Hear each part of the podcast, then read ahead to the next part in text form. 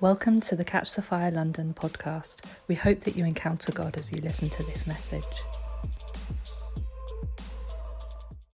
That's all right. Um, no, so we're going to be talking about kind of why why did they need King David really, and and so you know, and then we're going to be going on a journey of life lessons we can learn from David. But I want to just say something.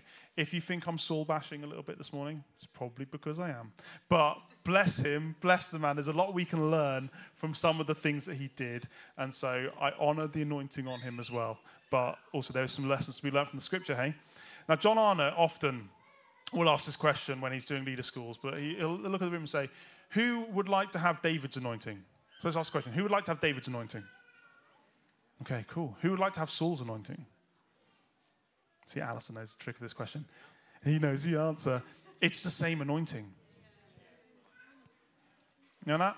So it's the same prophet with the same anointing lays hands on David as he does with Saul and releases the same anointing over them to walk in kingship over Israel. And so you should have said, yeah, both please. Um, but what we don't need to do is receive Saul's ability to carry the anointing, right?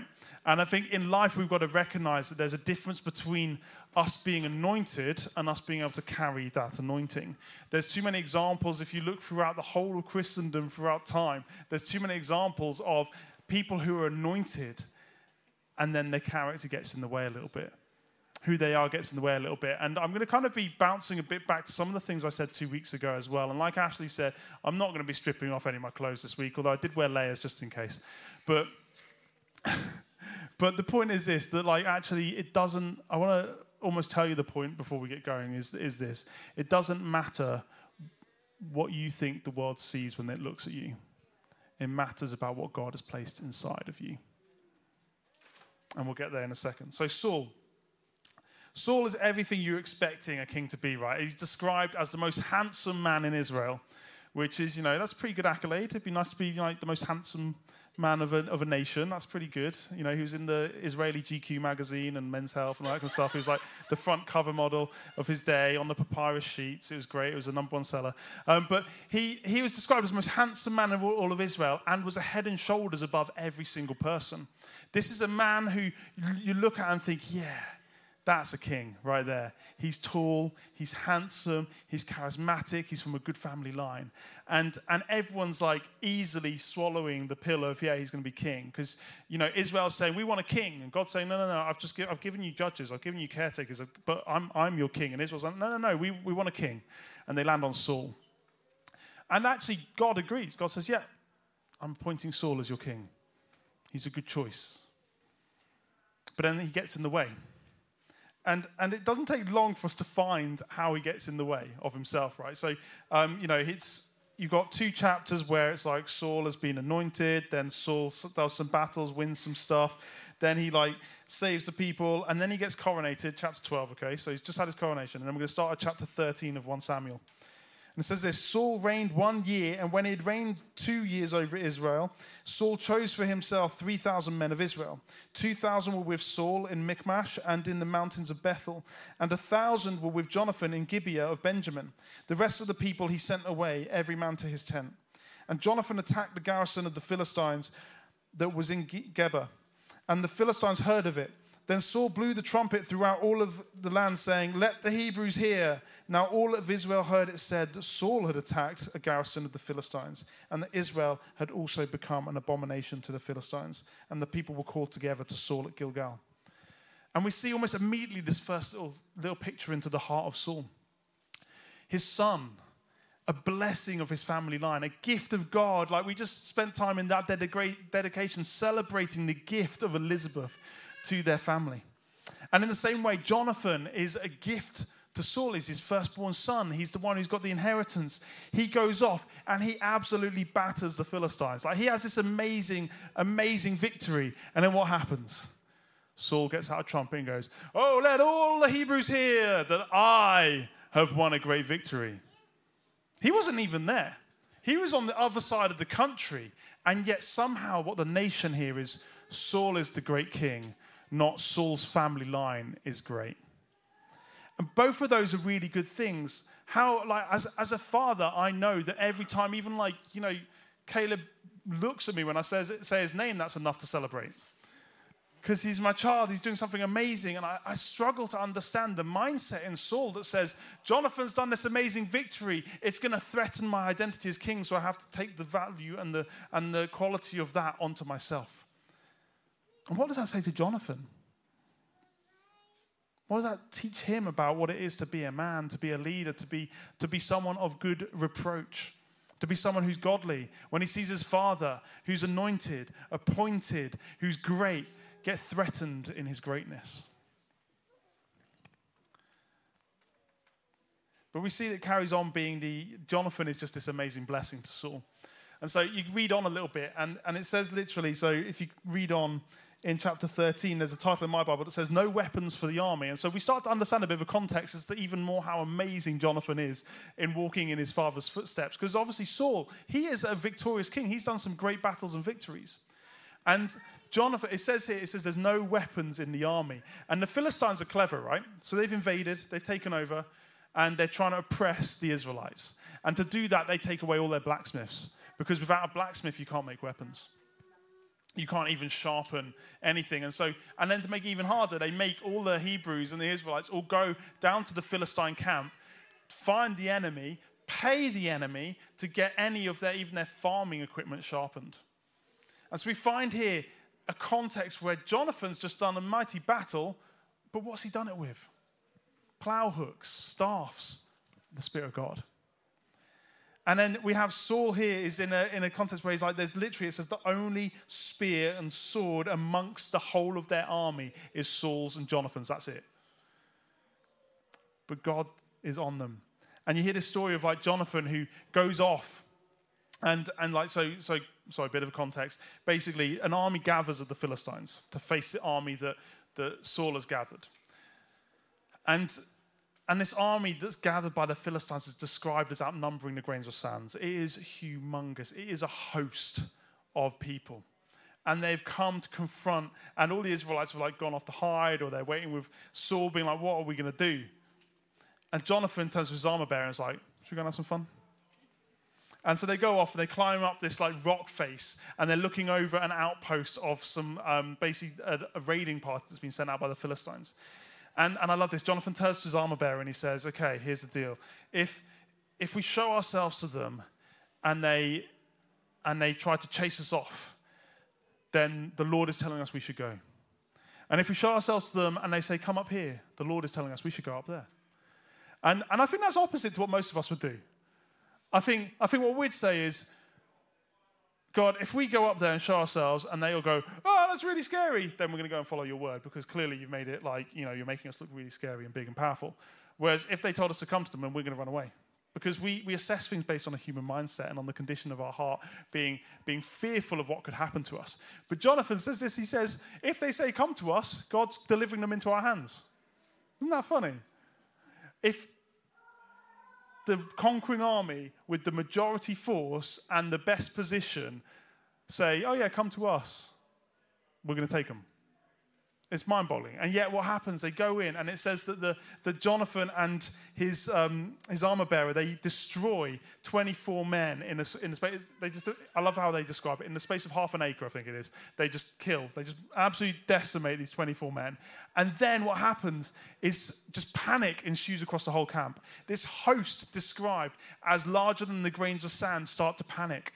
And then in their panic, confusion comes, and it says they start turning on each other. And, and this crazy battle starts to ensue where the Philistines are fighting the Philistines and the armies of Israel are looking on, going, Well, this is weird. And then Saul's like, let's get involved. And so they come like coming, coming charging down the hill. And you can just imagine the picture of these essentially farmers throwing away their plows and picking up swords and spears from the ground and chasing on for an amazing victory. And it's awesome and God's really moving and it's incredible. But then we see this, this unfortunate, tragic thing that happens in the boast of Saul's heart. Because Saul starts to again make it about himself. And then he says this statement he says, Cursed is the man who eats before the day is done with killing the Philistines in my name, or something along those lines. And, and he releases this statement, and it's almost like Saul's just a bit of a bully. He's flowing in the anointing of God, and yet he's, he's dominating people through curses and threats. And then the army going, and they're all looking tired, they're all looking drained and weary, and they walk through this, and it sounds amazing. They walk through this forest where there's honey all over the ground. Doesn't that sound amazing? And there's honey everywhere. And Jonathan gets his staff and dips it in the honey and eats of it. And then someone looks at him and goes, What are you doing? Your father is cursing you. You're going to die. And he's like, But how is it that my father would create a curse in an atmosphere of blessing? This is my version of the words. And, and so this all goes on.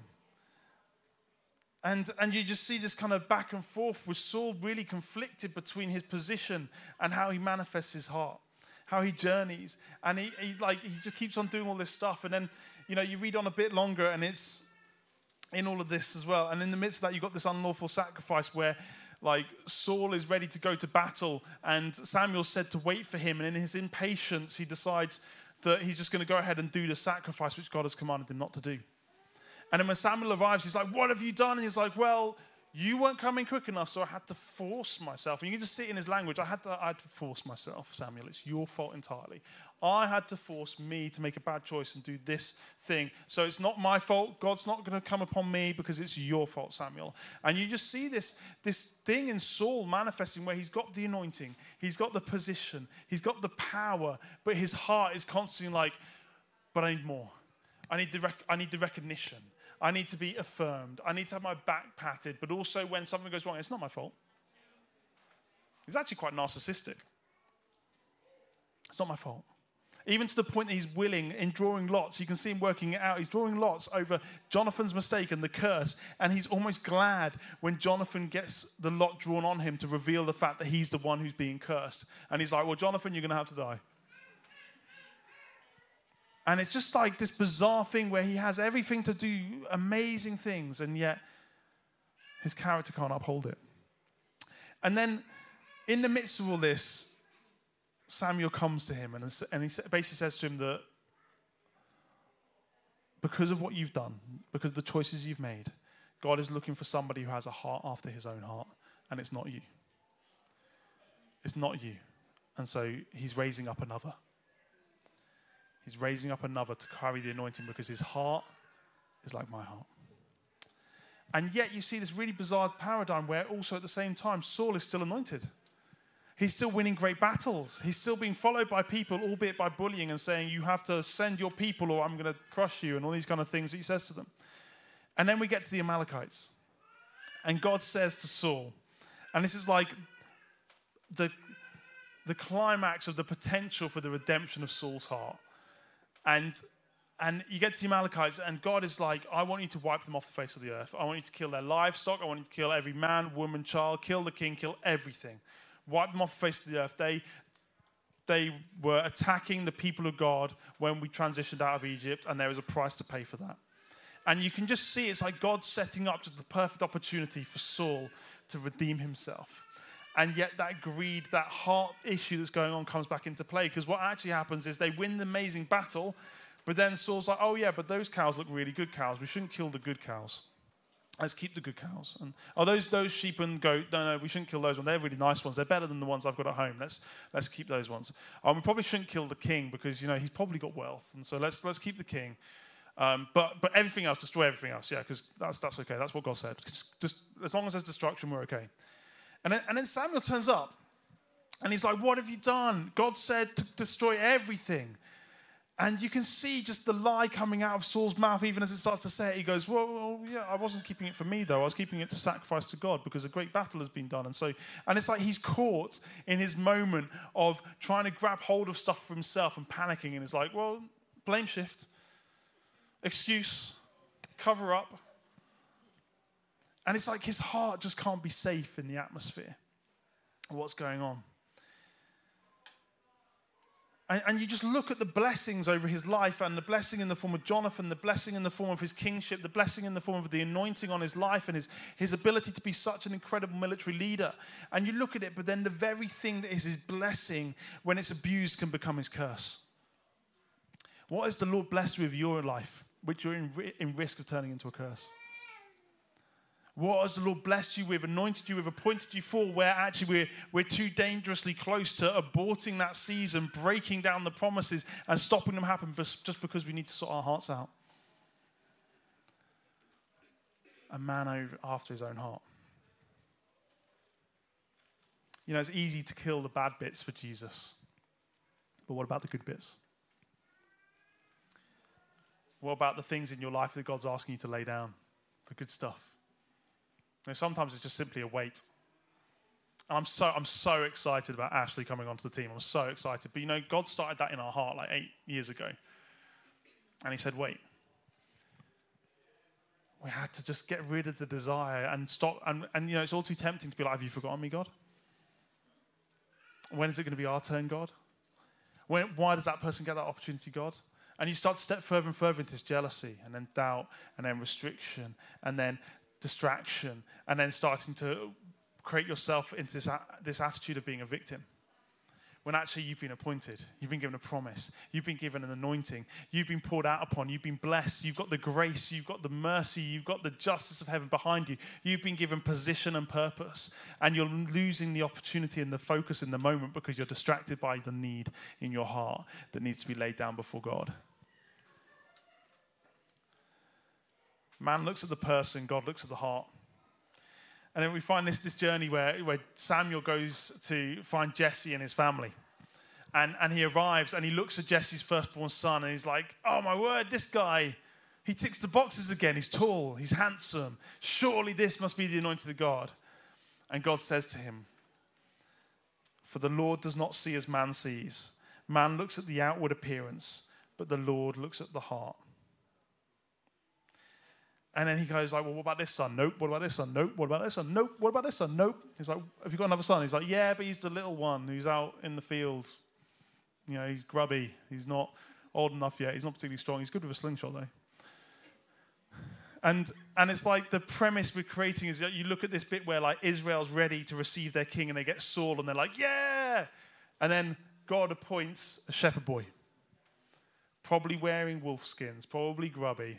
But tell you what, he knows how to fight. He's killed lions, he's killed bears. He, and he understands that he doesn't need things to do, things to come upon him in order to do it. You just do it. And, and, and we start to see this thing with David. Yeah, he made mistakes, he did things wrong. In fact, you could argue that David did worse stuff than Saul did. But look at this Saul serves his heart. David serves God's heart. Saul demanded service, David inspired loyalty. Saul states the facts I have sinned. David repents, cries out to God for mercy, gets on his knees, and, re- and just weeps before the Lord. How many times have we repented, but actually we just stated the facts? Saying I'm a sinner, but not actually having the word sorry somewhere in there, that's not repentance. That's just awareness. Saul is quick to blame, to curse, and to boast, but David, in the presence of flattery, dances before God. Have you, have you noticed that? Like, and I'm not going to do it. I'm not going to dance like David danced. But there's that bit, isn't it, where he's just killed Goliath, and they're all singing songs like Saul's killed his thousands, but David's killed ten thousands, and it's like you can imagine. I mean, I imagine if it's just maybe it's just me, but I'd probably be like, yeah, yeah, yeah, I've killed ten thousand, I've done it, woo and like, but that's not what David does.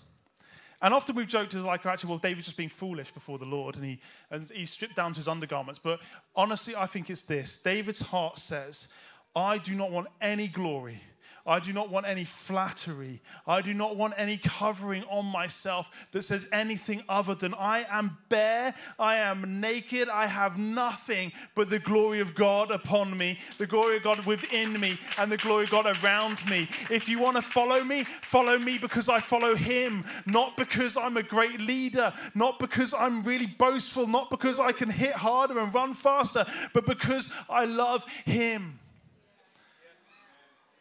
David danced naked, and Michal despised him because of the indifference in her heart towards anything that would walk in humility. He wasn't a foolish king, he was a king who loved Jesus. Who loved the Father, who loved Holy Spirit. He was one who was willing to say, No garment can define me, no wind can define me, but God's glory will be what I champion. And yes, he made mistakes but he repented. As we were in worship, I was reminded of this song. I love this song. It's a Sinach song. It says, Take a look at me, I'm a wonder. It doesn't matter what you see now. I'm clothed in glory. That is who I am. And, and I want you to understand today you can be anointed, you can be called, you can be prophesied over, you can be prayed for. But if you clothe yourself in anything other than the glory of God, you're going to find hurdles in your life. You're going to find restrictions along the way. And the way to set yourself free is forgiveness.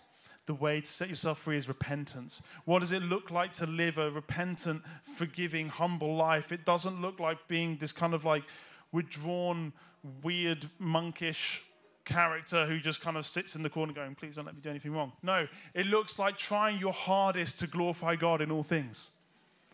And then when you trip up along the way, being like, I am so sorry, God. Help me to never do it again. Shine a light in my heart so bright that I can see anything wicked within me so that I can remove it. When was the last time you got inner healing? When was the last time you, you looked at your life and thought, man, this is hard work. I need to try harder? Or when, man, this is hard work. I wonder if God's going to break me through from this. Inner healing is not a crutch. Inner healing is a weapon to help our identities shine forth even brighter. Forgiveness doesn't mean that what happened to you was okay, but it sets you free so you can shine brighter. Repentance doesn't say, I'm broken, I'm nothing, I'm useless. It says, set me free so I can shine brighter. We want to be people who are famous for Him. Saul was consumed by his need. I need to be the one who's victorious. I need to be the one who carries the victory. I need to be the one who, who strikes the first blow. I need to be a king. I need to be recognized. I need to be followed. I need, I need, I need. And what I wanted to land on today, where I wanted to get to, is what needs you allowing to get in the way in your life? What are the things that are, are becoming idols that would stop the same anointing? Because it's the same Holy Spirit. Each and every one of us have the same anointing. Follow the grace of God in your life.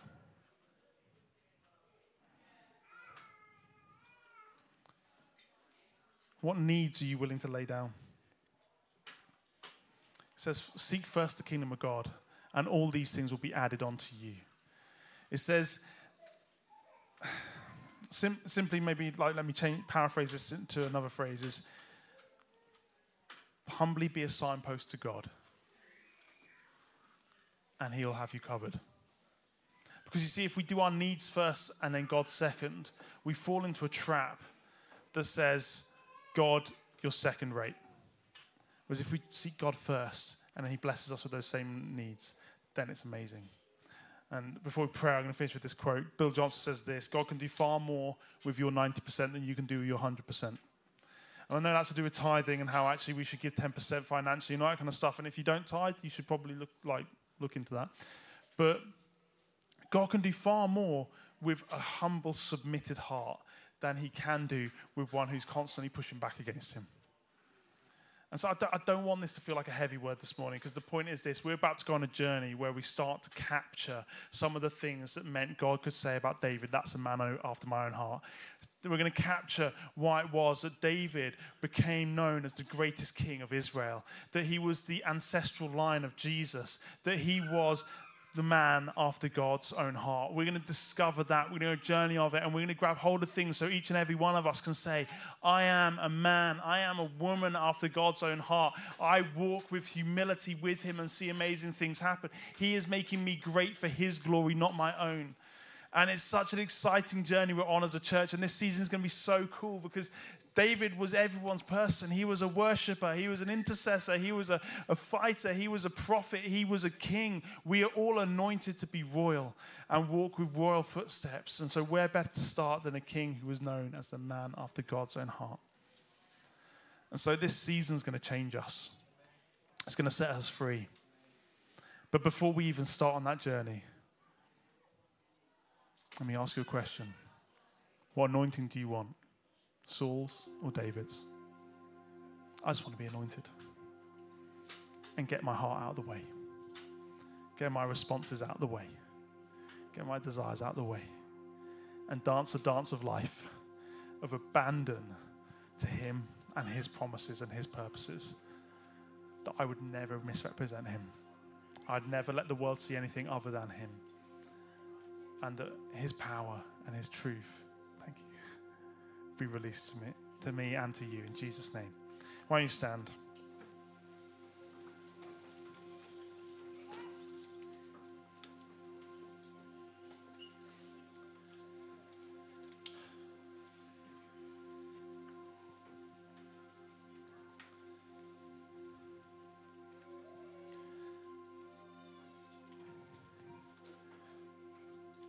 So as we as we just stand in his presence right now, I think first of all, I think there's an opportunity of true repentance now, where maybe you've allowed awareness and repentance to become confused. God, I'm a sinner. And then move on. Rather than, God, I'm a sinner, would you forgive me?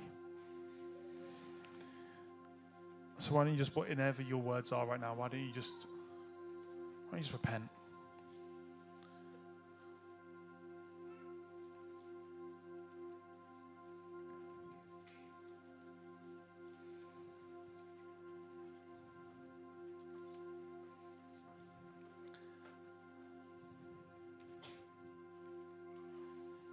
If you ever need to know how to figure out where you're at on the journey of humility, the measure is how hard it is to say the word sorry with sincerity.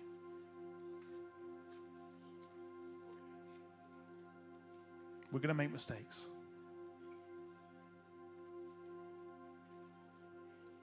But when we do, we're going to sincerely say sorry.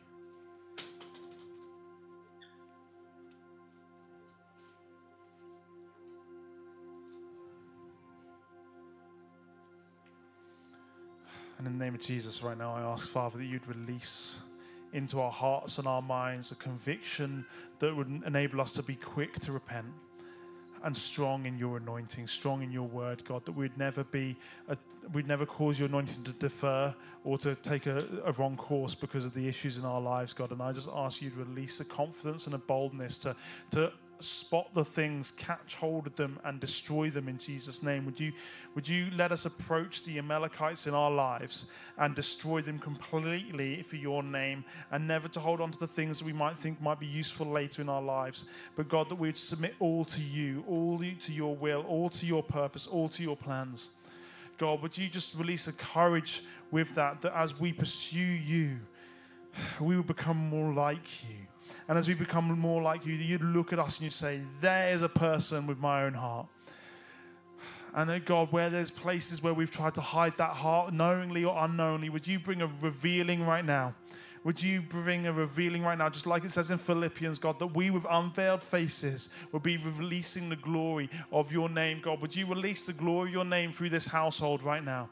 Would you unveil where there's been a veiling? Would you lift up where there's been a pushing down? Would you, would you set free and break the chains where there's been bondage, God? And would you release courage? To dance the life of dancing for you with your name on our lips, saying it's all for your glory, Jesus. Don't let us wear garbs that we've taken for ourselves. Don't let us clothe ourselves in our own accolades. Don't let us ever fall into a place of being drawn to flattery, God, but that we would stand and we would say, Yours is the glory. Yours is the glory. Yours is the glory.